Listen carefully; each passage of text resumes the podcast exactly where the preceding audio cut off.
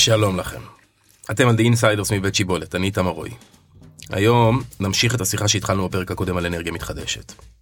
אחרי שדיברנו על שלושת המהפכות, התפקיד החשוב של גופי המימון המוסדיים והמדינה, הפעם נדבר על העתיד. לאן כל הדבר הזה הולך? בפרק הקודם אמר לנו עופר ינאי, המייסד ובעל השליטה בנופר אנרגיה, שאנחנו נגיע לארץ המובטחת של 50, 60, 70 אחוז אנרגיה מתחדשת, אבל הפעם אנחנו גם ננסה לרדת קצת יותר לפרטים. איך ייראה משק האנרגיה? האם הביזור שמאפיין אותו עכשיו יחייב ריכוזיות, כלומר, ריכוז של כלל השחקנים תחת אותה אכסניה. חברת החשמל למשל. ננסה להכניס את זה ללוחות זמנים ונדבר על הקצב של השינויים וגם על כלים חדשים שלא בטוח ששמעתם עליהם ולא דיברנו עליהם בפרק הקודם, כמו שימוש במימן למשל. אם כן, הפרק הזה ייתן לכם תמונה רחבה איך משתנה מבנה השוק, שאנחנו שומעים עליו בכל מקום, ולא כל כך יודעים להבין מתי הוא נהפך למציאות ואיך הוא משפיע לנו על החיים. תעזור לנו להבין גם עורך דין שלומית אס, שותפה בשיבולת ומומחית בתחומי תשתיות, אנרגיה ומימון. שלום חברים. שלום, שלום. Hey. כיף שאתם פה שוב. כן. התגעגענו. כן? אמ, דיברנו בפרק הקודם אה, כהקדמה יותר כללית גם על המהפכות וגם על האתגרים וגם על המדינה, ועכשיו אני רוצה בכל זאת לדבר יותר על העתיד. אבל בוא נתחיל קודם עם השימוש במימן. מדברים על רוח, על שמש, מה מימן? טוב אז זה מה שנקרא לקפוץ אה, לקפוץ ישר למים. קודם כל אמרנו דיברנו על 50 60 אחוז. בוא ניתן רגע למאזינים את תמונת המספרים. אחוז אחד מצריכת האנרגיה של ישראל היום אנחנו משק של 70 מיליארד קוטש. זאת אומרת שאחוז אחד זה 7 מיליארד זה 10 אחוז 700 מיליון קוטש. אנחנו בשביל 700 מיליון קוטש צריכים היום בישראל 450 מגה. זה אגב אם היינו באירופה היינו צריכים כמות כפולה כי יש לנו כמות שמש שהיא כמות שמש נהדרת בישראל. 450 מגה זה בשביל 1% אלה המספרים. מה זה אומר אם אני רוצה להגיע ל-10% אני צריך 4,500 מגה וככה אפשר לגרור את האחוזים האלה למעלה ולהבין כמה אנחנו צריכים. כן כשצריך גם לדבר על זה שהשוק אה, צריכת החשמל תעלה בשנים הקרובות. יפה. גם האוכלוסייה גדלה. גם יש רמת החיים עולה. נכון, נכון. אה, גם שינויי האקלים עצמם מצריכים בעצם אה, עוד חשמל אנחנו צריכים למזג יותר את המבנים שאנחנו נמצאים בהם גם יהיה מעבר ליותר שימוש באנרגיה חשמלית רכבים חשמליים אנחנו נפטרים לאט לאט. למה אף אחד לא אומר רכב חשמלי? אז הנה. זה השינוי הגדול. אז אנחנו בעצם מסתכלים על להגיע בעצם נגיד ב-100% לצריך, במונחים של היום זה 45 ג'יגה אם אני לוקח 2030 נגיד אז זה צריך יהיה משהו כמו 70 משהו כמו 70 ג'יגה כנראה באותה כמות שטח כי אנרגיה מתחדשת השטח הנדרש הוא הולך ומצטמצם. פאנל בתחילת הדרך שב-2010 כשאנחנו שמנו את הפאנלים הראשונים היו פאנלים של 250 זאת אומרת שני מטר מטר על שתיים 250 ואט היום פאנלים הם 500. יש לנו הרבה מקומות בקיבוצים שאנחנו עושים פרויקטים של אה, פינוי בינוי. מה זאת אומרת יש גג מחוצה בפאנלים של 250 מ-2010 משתלם לנו לפרק את הפאנלים למכור אותם בדרך כלל בפזורה הבדואית במחיר אפס רק שיקחו את זה ולשים פאנלים באותו מקום של הפאנלים של 250 רק פאנלים של 500 אנחנו מרוויחים במערכת הישנה שהייתה שם ייצור קצת יותר גבוה כי עוד פעם זה פאנלים חדשים עם אה, פרמטרים אה, טכניים יותר טובים ומרוויחים עוד כמות כפולה של אנרגיה כי בעצם באותו שטח אני מצליח להכניס כמות כפולה של אנרגיה. זה גם מהפכת הדו שימוש וגם מהפכת הנצילות הנצילות של הפאנלים מה זה נצילות נצילות זה כמה אנרגיה אני יודע להפיק ליחידת שטח הנצילות עלתה ב-100% תוך 10 שנים. להבין את הפער מהטכנולוגיה הרגילה מג'יימס ואט עד היום שיפור של 12-13 אחוז. ואני מאמינה שזה לא יהיה טעות להניח שהטכנולוגיות עוד יתקדמו כלומר נכון. אנחנו כנראה הנתונים שאנחנו מסתכלים עליהם היום השתנו בגלל השיפור הטכנולוגי שיקרה בתחום. וזה משהו שגם יקל עלינו לעבור ל... וגם אני מניח שהמדינה תקל יותר רגולטורית, דיברנו קודם על היתרים, וכן, הדברים... רואים שיש תזוזה, צריך לזוז פשוט מהר יותר. עכשיו, אז מה ששאלת לגבי הסיפור של המימן, אנחנו, נגיד, נגיד שיש לנו את אותם 45, עוד באמת אותם 45 ג'יגה, אז חלק גדול מהאנרגיה אין לי בעיה, כי מה שאני מייצר ביום אני יכול לאגור באגירת יום לילה. שזה כמו המתקנים ששמנו בניר יצחק בסוללות פשוט.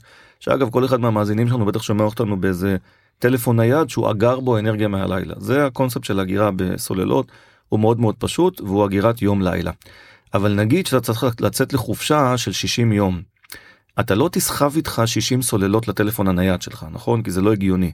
לכן באותו מובן, מה זה אותם 60 יום? אנחנו בישראל מדינה עם 60 אה, ימים של גשם בשנה. בימים האלה אנרגיית השמש כנראה לא תעמוד לצידנו, ואנחנו צריכים הגירה שהיא הגירה ארוכה יותר. הגירה ארוכה יותר לא יכולה להיות בסוללות זה פשוט לא כלכלי. ופה נכנס הסיפור של מימן. מימן הוא בעצם אה, הדלק המושלם. זה דלק שאתה מפיק אותו בתהליך של אלקטרוליזה זה סוג אחד של תהליך. אתה בעצם מפרק מים לאוויר אה, מפרק מים למימן ולחמצן H2O החמצן מתנדף לו באוויר ויש לך מימן. שמרת את המימן אתה מעביר אותו דרך את הדלק שזה לא מנוע זה מגע עם אה, אלקטרוליט ואז אתה מקבל שני דברים אתה מקבל חשמל ואתה מקבל תוצר לוואי של מים. זה בעצם הדבר שנקרא תא הדלק. בגלל שעלות ההגירה במימן היא עלות אפסית אני יכול בעצם לאגור במכל מימן כמות שהיא פי אלף ממה שאני אוגר בסוללה אכן הגירה שהיא בעלות אפס ולכן זה הדלק שיעביר אותנו את עונת המעבר ולעלות ל-50-60 אחוז אפשר עם סוללות מעבר לזה כבר נצטרך להוסיף uh, מימן. וזה כבר קורה? יש אנשים שעושים כן. מפיקים מהמימן? Uh... כן זה משהו שהוא גם תופס uh, תופס תאוצה אחד הדברים שרגולטור אגב פה ואני אמרתי את זה לאנשי רשות החשמל צריך להבין אנחנו כרגע ביולי 2008 של המימן מה זה יולי 2008 ביולי 2008 uh, זה הייתה יצאה דרך ההסדרה הראשונה של המערכות הראשונות בישראל 50 קילו מערכות קטנות תעריף של 2.12 תעריף מאוד יקר אבל משם זה התחיל ואז השוק הלך ורץ uh, קדימה. אנחנו צריכים היום הסדרה למימן שהשוק יתחיל להבין מה זה מימן להבין מה זה תאי דלק להבין איך עושים את הדבר הזה אנחנו רואים את זה קצת בפרויקטים של המדען אבל זה כבר צריך להיות משהו שהוא משהו uh, מסחרי והרגולטור צריך uh, להיענות לזה. אם אנחנו מסתכלים בעולם אנחנו אם אנחנו נגיד במצב הקונבנציונלי נגיד אנחנו uh, צעד שניים אחרי העולם שוק חופשי וכולי במימן אנחנו דורות אחרי העולם. אה, העולם שבעיקר במזרח אה, יפן אה, הלכה בעצם על גרעין בתור אנרגיה אנרגיה נקייה, נקייה עד פוקשימה. ברגע שהתרחש פוקשימה אמרו די לנו עם הגרעין סיימנו מה יחליף את הגרעין? וזה מימן. אז אפשר לראות את uh, הפרויקט המיראי של טויוטה שזה אלטרנטיבה לטסלה או לרכב חשמלי סטנדרטי רכב שנוסע רכב שנוסע על מימן. ואנחנו רואים במזרח פרויקטים אדירים של מימן פרויקטים של מיליארדים ו, ועשרות מיליארדים. זה שם זה כבר במסות של מסות אדירות. אנחנו הרבה מאחור אבל שנתיים היום אני מאמין שנהיה שם גם בישראל. אוקיי. שלומית אני רוצה רגע לעצור ולקחת אתכם חזרה לפרק הקודם אה, לדבר על זה כרגע בהקשר של העתיד. אמרנו בפרק הקודם שרשות אה, החשמל היא רגולטור אה, מצוין. נכון. אני רוצה להבין מי מתכלל את העסק הזה עופר עופר אמר לנו שיש עם זה בעיה שיש בעיה עם מי שמבין את כל ה... אם כל אחד ינסה לשמור על. החלק שלו בשמיכה יכול להיות שנאבד את העניין. אז עופר צודק אין גורם אחד שמתכלל את הכל אתה צריך ללכת אה, כשאתה בא להקים פרויקטים אה, לקבל אישור מכל גורם רלוונטי בפרויקטי רוח גם רואים את זה עוד יותר משרד הביטחון משרד הגנת הסביבה בפרויקטים הסולאריים. אין מישהו שמתכלל אין היום איזשהו גוף על שאומר אנחנו רוצים להגיע ליעד הזה ו... ויש גורם אחד שדואג לכל זה. קראתם את הספר הקרב על הגז של שטייניץ? לא אבל אני צריך באמת. ממליץ ממליץ בחום מי שרוצה להבין אה, קורס פורדמי זה איך המדינה שלנו עובדת בדיוק אותה סיטואציה יש לנו מאגרי גז במים ברור שבמאגרים יש ערך כלכלי אדיר למדינה עכשיו איך מסתדרים איך מסתדרים עם ההגבלים ועם רשות הסביבה וכולי וכולי שטייניץ מה שהוא עשה אז הוא כינס את כולם והוא אמר האם יש פה מישהו שרוצה להוביל? חכמי המשפט זה וזה כולם אמרו לא אז אמר אוקיי אז אני מוביל מי שלא מתאים לו שיצא מהחדר. זה מנהיגות שהיא מנהיגות אה, יפה מאוד. אני לא יודע אם יש לנו היום מנהיגות כזו. אנחנו היום היזמים אה, מנסים להיות הגורם שמתכלל ומזיז קדימה אבל כמובן שהעוצמה שלנו עוצמה מאוד מוגבלת. לצערי אנחנו גם יש איזה סוג של חשדנות מובנית כלפי יזמים אגב במיוחד המשרד להגנת הסביבה זה איום ונורא הם לא מוכנים לדבר עם יזם בטלפון, מבחינתם לדבר עם יזם זה איזשהו משהו שהוא אה, שלילי, אז מאוד מאוד קשה באמת אה, להזיז את הדברים, אבל צריך, כדי שדברים יקרו, צריך שזה יהיה. גם יש בעיה כי לכל גוף יש את הסמכות בתחום שלו והוא דואג למשבצת שלו ולא מסתכל על האינטרסים הרחבים. אז קשה כך להגיע להחלטות אה, שבאמת מקדמות את התחום. אז איך המדינה מתכננת את העתיד? איך היא מתכננת את העתיד אה, שוב זה זה תמונת המצב היום זה צריך אה, צריך לראות איך משנים את זה כמו שאתה מבין זה מאוד שונה מהמגזר הפרטי שברגע שיש לו יעד אה, נכון. אז מגיעים ליעד. אפשר לראות את זה בתחומי תשתיות אחרים שאני מתעסקת בהם רכבות מה קורה כשזה כשממשלה מקימה לעומת המגזר הפרטי איך עומדים בתקציבים או לא עומדים בתקציבים איך עומדים בזמנים או לא עומדים בזמנים. הפת- האמת היא פתרון שאפשר לחשוב עליו זה איך מפריטים אולי חלקים מזה. וואו, צריך- חלום, צריך חלום. לחש- צריך- זה ככה יש, יש רגישות גדולה מה ששלומית מתארת זה באמת מה שמקובל באירופה אנחנו היום כשעושים פרויקט באירופה אנחנו אחראים לסלילת התשתית החשמלית אז אומרים לנו הנה זה התחמ"ש תסתדרו אתם תקנו את השטחים תקימו את הקווי מתח גבוה או את הקווי מתח עליון אפילו עד לשם נותנים לך לעבוד. נות- נותנים לך קודם כל אומרים לך תעשה אתה אני לא אני לא מפריע לך תתקדם אתה ואני אתן לך את המקום ברשת בתחמ"ש שלי. הדבר הזה הוא אם אני מסתכל על תמחורים פולין נגיד מול ישראל זה עולה רבע זה אחד. שתיים לוחות הזמנים אני בישראל כשאני צריך לקבל מחברת חשמל סלילה של קו אומרים לי חמש שנים זמן. אין דבר כזה בחצי שנה אתה יכול אתה יכול אה, לסיים את זה. צריכים גם להבין שהגוף הציבורי הוא קצת חסר אונים. יש סיטואציה שלא הרבה מכירים אותה אבל כל הצפון עמד מלכת ולא אפשרו לחבר בו מערכות סולריות בחלק גדול מ-2021 מדוע? מכיוון שהייתה איזה משפחה שהחליטה שיש איזה שטח שהוא שייך לה ורבו עשו מעשה בריונות. חברת חשמל לא הייתה מסוגלת להתמודד עם זה עכשיו יזם פרטי כנראה שכבר היה מדלג על האירוע הזה או מסתדר איתם באיזושהי צורה אבל לא היה נותן לזה לעכב את כולם פשוט כל, כל השוק עומד מלכת על משפחה אחת של פולשים שמחליטה שהשטח הוא שלה ולא של אה, חברת חשמל. ובכל זאת החליטה המדינה, אה, שרת האנרגיה קארין אלהרר, להקפיא עכשיו את חיפושי הגז והנפט למשך שנה, אה, במטרה לעודד את השימוש באנרגיה מתחדשת. אז מצד אחד המדינה עדיין מתקשה להבין לאן הולך העתיד, אבל היא כן מסמנת איזושהי קריאת כיוון שהיא אומרת אני נחה קצת רגע מהגז והנפט וכן רואה עתיד באנרגיה המתחדשת. הסיפור הזה עם קארין הוא סיפור שהוא גם אה, על- עלה לכותרות קצת אה, קצת באשמתי אחרי זה גם קצת אמרתי שאני אה, אני לא רוצה לפגוע בקארין זה גם אישה שאני מעריך קשה מאוד אה, להתעלם אה, מאישה שבגיל מאוד צעיר עם הלקות הזו שיש לה מחליטה לחיות את חייה כאדם עצמאי לחלוטין אישה מאוד רצינית ומאוד. פוליטיקאית רצינית מאוד. ומאוד מרשימה בעיניי. עכשיו מה היא אמרה? היא אמרה אני בעצם דוחה את ההליך התחרותי הרביעי. יש שלושה שיוצאים לדרך. היא בעצם אמרה איזה משהו שהוא משהו אה, הצהרתי. ויש שני סוגים של ציונות מי שזוכר היה את הציונות של הרצל שהייתה הציונות המדינית שהוא הסתובב ונפגש עם הסולטן ונפגש עם אה, אה, הקיסר וכולי וכולי ויש את הציונות. ה, אה, לא המדינית הציונות של דונם ועוד דונם בסדר של, של המעשית. רופי המעשית בדיוק של לקנות עוד שטח ועוד שטח ועוד שטח.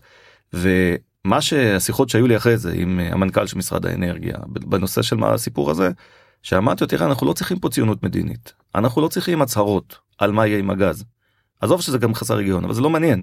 מה שאנחנו צריכים אנחנו צריכים ציונות מעשית אנחנו צריכים פתרון בכל הנקודות הקטנות האלה כי זה שוק שבשביל באמת לנצח ולהגיע להישגים צריך לנצח בהרבה מאוד קרבות קטנים בהרבה מאוד אה, חזיתות שהזכרתי את שטייניץ קרין יכולה להיות השטייניץ של 2022 כן היא יכולה להיות השטייניץ שבאמת יביא אותנו הלאה.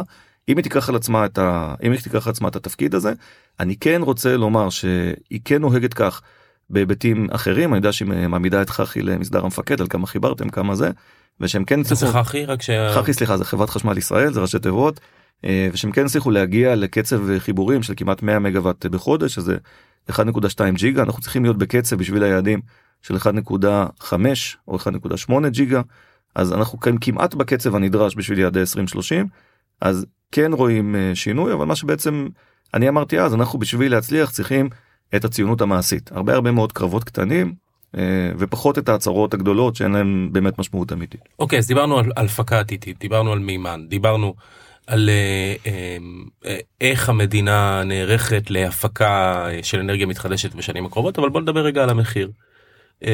ריכוזיות איך מונעים ממצב שיש כרגע חברות שכבר נכנסו לתחום חזקות ומצד שני יכולות לאיים על שחקנים חדשים ושחקנים חדשים אמר לנו עופר בפרק הקודם שיגמרו ההנפקות בקרוב איך איך איך נמנעים מריכוזיות בתחום הזה. אז תראה בהיבט של משק החשמל אני חושבת שכאן יש בשורה אני מסתכלת כרגע על משק החשמל אה, בכללותו כאן הרכבת כבר יצאה מהתחנה היסטורית אז החל משנות ה-20 של המאה ה-20 כל הסגמנטים במשק החשמל נשלטו על ידי חש... חברת חשמל החל ממקטע אה, ייצור החול- החלוקה הולכה אספקה אה, ניהול המערכת הכל היה כמעט הכל היה אצל חברת חשמל ובאמת החל מ-2018 החלה רפורמה במשק החשמל. אה, כשמקטעי בעיקר מקטעי הייצור והאספקה נפתחו נפתחים לתחרות. כשאני מדברת על המקטעים במשק החשמל אז ייצור זה באמת הייצור של חשמל מתחנות כמו שהחברה של מתקנים כמו שהחברה של עופר מייצרת. מקטע החלוקה זה יותר ההיבטים הפיזיים של איך החשמל מגיע ממקום הייצור אל הצרכן ומקטע האספקה זה באמת המכירה של החשמל אה, אה, לצרכן, הפקת חשבוניות וכולי. אז מקטע הייצור נפתח לתחרות. אה, היום כל מי שרוצה להשתתף בהסדרות, בעצם בהליכים תחרותיים של חברת חשמל, להקים מתקני ייצור, זה השוק הוא פתוח, אתה יודע, בסוף... צריך להתחרות ו- ותנאי השוק יכתיבו וכסף יכול לי ברגע שאתה יודע לגייס את הכסף אתה, אתה, אתה יכול להתקדם. אה, כשלאחרונה גם אה, ממש ב-21 אה, התחיל התהליך של פתיחת מקטע אספקה לתחרות, שזה מביא בשורה, זה עדיין בתהליך, אבל זה, זה יביא בשורה לצרכנים אנחנו מקווים, כי המשמעות של זה זה שאתה לא תהיה חייב לקנות חשמל מחברת חשמל. אתה תוכל אה, לקנות... זאת הייתה שאלה שלי. כן, אז, אז, אז הגענו.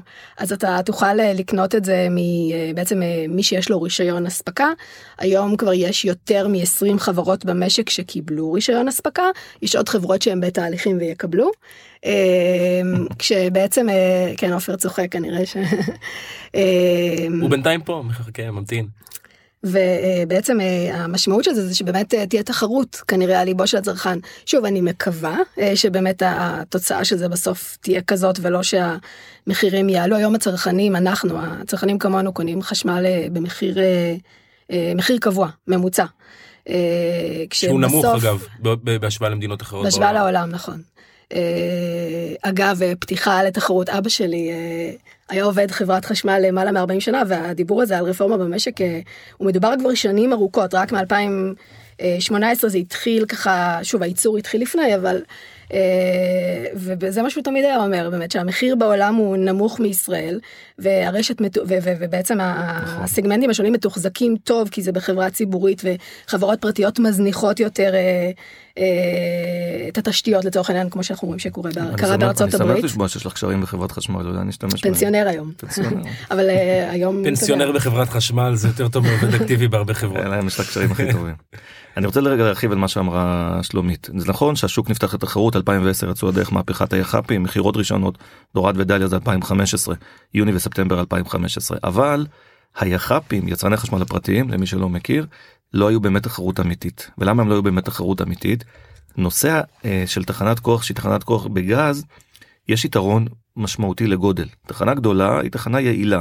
בגז יש מושג שנקרא נצילות אני שורף אנרגיה חלק מתבזבז כחום חלק אני מפיק חשמל. התחנות הגדולות הם נגיד אה, דורד היא 53 אחוז דליה גם כן משהו דומה. אבל אם אני בא עם אה, מנוע שעומד בחצר צרכן אז שם אני אהיה ב-43 אחוז וזה אומר שהמנוע הוא פחות יעיל ולכן הוא יהיה יותר יקר. עכשיו אם הדרך היחידה להתחרות זה רק עם שחקן גדול תהיה לי תחרות רק אם אני יכול לעשות הרבה שחקנים גדולים אבל בגלל שישראל היא משק קטן אי אפשר שיהיו הרבה שחקנים גדולים ולכן הדבר הזה כשכולם בירכו עליו הוא בעצם יצר את אוליגופול או קרטל היצרני חשמל הפרטיים שהם מאוד מאוד מפונקים אה, הגוף הכי מפונק במשק החשמל שמרוויח הכי טוב וכולי וזה המבנה שאנחנו נמצאים בו כיום. עכשיו מה עושה אנרגיה מתחדשת אנרגיה מתחדשת פלוס סוללות ברגע שהיא נכנסת למשחק פתאום נכנס שחקן שא' הוא נורא מבוזר אין יתרון לשדה של 100 מגה על שדה של 10 מגה אין יתרון בעלויות זה אותו דבר. וכל אחד יכול להקים שדה ולמצוא את המקום ברשת. ואז יש הרבה מאוד שחקנים קטנים ואיך אומרת התיאוריה הכלכלית? בשביל לעבור ממצב של אוליגופול למצב של שוק תחרותי אתה צריך הרבה פירמות. אז פתאום יהיו המון המון יצרנים וזה בהכרח יוריד את המחיר וכמובן שהסיבה השנייה היא שאנרגיה מתחדשת במבנה העלויות שלה זול יותר מאשר אנרגיה רגילה. אמרנו 30 אגורות משלמים ליח"פים פלוס דלק פלוס זמינות. ייתנו לי את הדבר הזה על שדה של 100 מגה אני תורם אגף בבית חולים מהרווחים שמעבר לרווחים הראויים בעיניי כן כי אנחנו יכולים להיות הרבה הרבה יותר הרבה הרבה יותר יעילים. אבל ברגע שנתחיל לנוע לכיוון של האנרגיה המתחדשת מה קורה אחרי, באנרגיה מתחדשת אחרי שאני מחזיר את ההון שלי אני נשאר עם אנרגיה שעולה לי אפס. מה קורה בתחנת כוח? גם אחרי שהחזירה את ההון עדיין 50, האנרגיה עולה לי. 50 אחוז דלק תחזוקה 50 אחוז אתה צריך לשלם. אז לכן יש פה משהו שהוא ברגע שנתחיל לזוז אנחנו רואים את זה בטסלה אגב מצוין. נכון יפה. אתה נוהג בטסלה? לא. אוקיי אני נוהג את החוויה כן? כן אגב בהיבט של התחרות אז ריבוי שחקנים קטנים אבל uh, בראי שנים לא בטוח שזה יישאר הרבה, שיישארו הרבה שחקנים קטנים, כי יש יתרון לקונסולידציה ו... של נכון. הרבה שחקנים קצ... קטנים, ואתה יודע, עלויות המטה ככה הם קטנות יותר, ו... אז, אז מעניין לראות איפה יהיה השוק אה, בטווח ארוך, אם לא יישארו באמת רק הגדולות. נכון. היום נכון, כל מי שרוצה לפתח, ליזום, אה, השוק פתוח. מרגיש לי שזה קצת, מרגיש לי שזה קצת ביצה ותרנגולת. במובן הזה שאתה צריך, אתה כל הזמן, באירופה עכשיו רואים את זה מאוד, רדפו אחרי יעדי האנרגיה המתחדשת, אבל uh, כי, כי זה נורא חשוב וצריך לעשות את זה. Uh, ומצד שני פספסו קצת את האנרגיה המסורתית ולכן הם נתקעו עכשיו במצוקת אנרגיה רצינית שגם משפיעה על המחיר שלהם אז איפה עומד. ה... אה, איך שומרים על הדופק הזה. תראה שם אני חושבת שהם לא התבססו רק על אנרגיה מתחדשת, הם התבססו על גז. זה לא קשור. זה... הם כן, אה, אוקיי. הכשל כרגע הוא בחלקו, הוא בחלקו בגלל אה, בעצם סיבות פוליטיות של פוטין, נקרא לזה ככה. הבנתי. אני ב-2012 רציתי לראות איך נראה את תעשיית גז ותיקה ותעשיית רוח ותיקה, טסתי לפינלנד. היה טיול מעניין. אגב דיברנו בחוץ על שהפסקתי לעשן בראש השנה אז עישנתי אי אפשר לעשן סיגריה במינוס 20 אתה אחרי רבע סיגריה אתה נכנס פנים משהו אז אה, אבל אה, אני זוכר שאחרי זה הזמינו אותי זה שעשו את הסיור הזמינו אותי לאיזה ארוחה במסעדה צמחונית כי אני שומר כשרות ארוחה לכבודי וכולי. ואז אני זוכר שדיברנו על הסיפור של האנר... הקטע הפוליטי באנרגיה והם אה, הסבירו לי שהם שכנים פינלנדים שכנים של הרוסים ושפוטין משיג מה שהוא רוצה כי אם הוא לא מקבל את מה שהוא רוצה הוא עושה דבר מאוד פשוט הוא מעלה את מחיר הגז. בצורה מאוד סוגר את הברז וזה לא יכול לקרות באנרגיה מתחדשת לאף אחד אין מונופול על השמש. יפה זה בעצם זה למה זה העתיד נכון. העובד, זה, זה נותן לך באיזשהו, מקום, באיזשהו מקום אתה יודע זה נותן לך ביטחון אנרגטי לא בדלק לא זה, שבו אתה משתמש. זה שוב ביטחון אנרגטי בדלק שאתה משתמש בו כי אתה לא תלוי באף אחד השמש אתה תלוי באלוהים. כלומר שלא... העצמאות האנרגטית. הפכנו להיות פודקאסט חזרה בתשובה. פודקאסט רוחניות. אמ, העצמאות האנרגטית בסופו של דבר היא אה, תלויה, ב, תלויה בשמש, היא לא תלויה אצל אף אחד. נכון. אגב, אפרופו עצמאות אנרגטית, שמנו את המתקן הראשון של ההגירה בניר יצחק. ניר יצחק, לא יודע, אתה יודע איפה זה? זה בגבול עזה, אבל לגבול עזה יש כמה גרסאות, הם, בגבול, הם בגרסה הפחות נעימה, זאת אומרת בצד הדרומי שם של גבול עזה, הם הכי קרובים. אה, לפני שנים באתי לשם לאיזה פגישה והם הסתכלו עליי בעיניים מעריצות כי באתי תוך כדי איזה מתיחות אמרו לי אתה יודע שפה שבע שניות לפצמ"ר לזה אתה צריך להיות מאוד זריז. עכשיו אה, הם באחד אה, מתי זה היה בעמוד ענן הם היו כמה כמה ימים בלי בלי חשמל. הייתה תקלת מתח גבוה במצב של מתיחות ביטחונית אי אפשר לבוא לשלוח צוותים לתקן לא היה להם חשמל כמה ימים עכשיו שיש להם את האוגר הדבר הזה הוא נמנע הם בעצם יוכלו במצב כזה להיות על האוגר ועל המערכות הסולריות שלהם גם אם יש תקלה בגריד של חברת אה, של חברת חשמל. הדבר הזה שאני מדבר עליו בעצם נקרא מיקרו גריד זה איזשהו אה, גרסה של העולם של האנרגיה המתחדשת שבעצם הרבה מאוד הולכים אליו. אנחנו רואים בקליפורניה שזה מקום שהוא סובל מהרבה מאוד בעיות מתח גבוה בגלל מה אתם יודעים? בקליפורניה בגלל שרפות. שרפות. הם מאוד מאוד אוהבים את הטבע כן. שלהם שם והם לא עושים שרפות אה, מבוקרות ואז הם מקבלים שרפות לא מבוקרות ולכן כמעט כל אה, סופר או חווה או זה יש לו אה, מערכת שבעצם יודעת להחזיק את עצמו גם אם אה, גם אם הכל אה, הכל קורס מסביב. אה, וזה גם משהו שהוא מעניין לפתח אותו ולהסתכל עליו בשנים הקרובות. אפשר להיות אופטימיים. כן, ולהיות uh, נמרצים ונחושים ולא להתייאש. אה, נדבק באופטימיות שלך. תודה. ובפרטים הקטנים של שלומית. זהו, מה נגיד, היה לי תענוג לשוחח איתכם. גם מהזווית המשפטית וגם מהזווית היזמית. תודה רבה שהייתם איתי.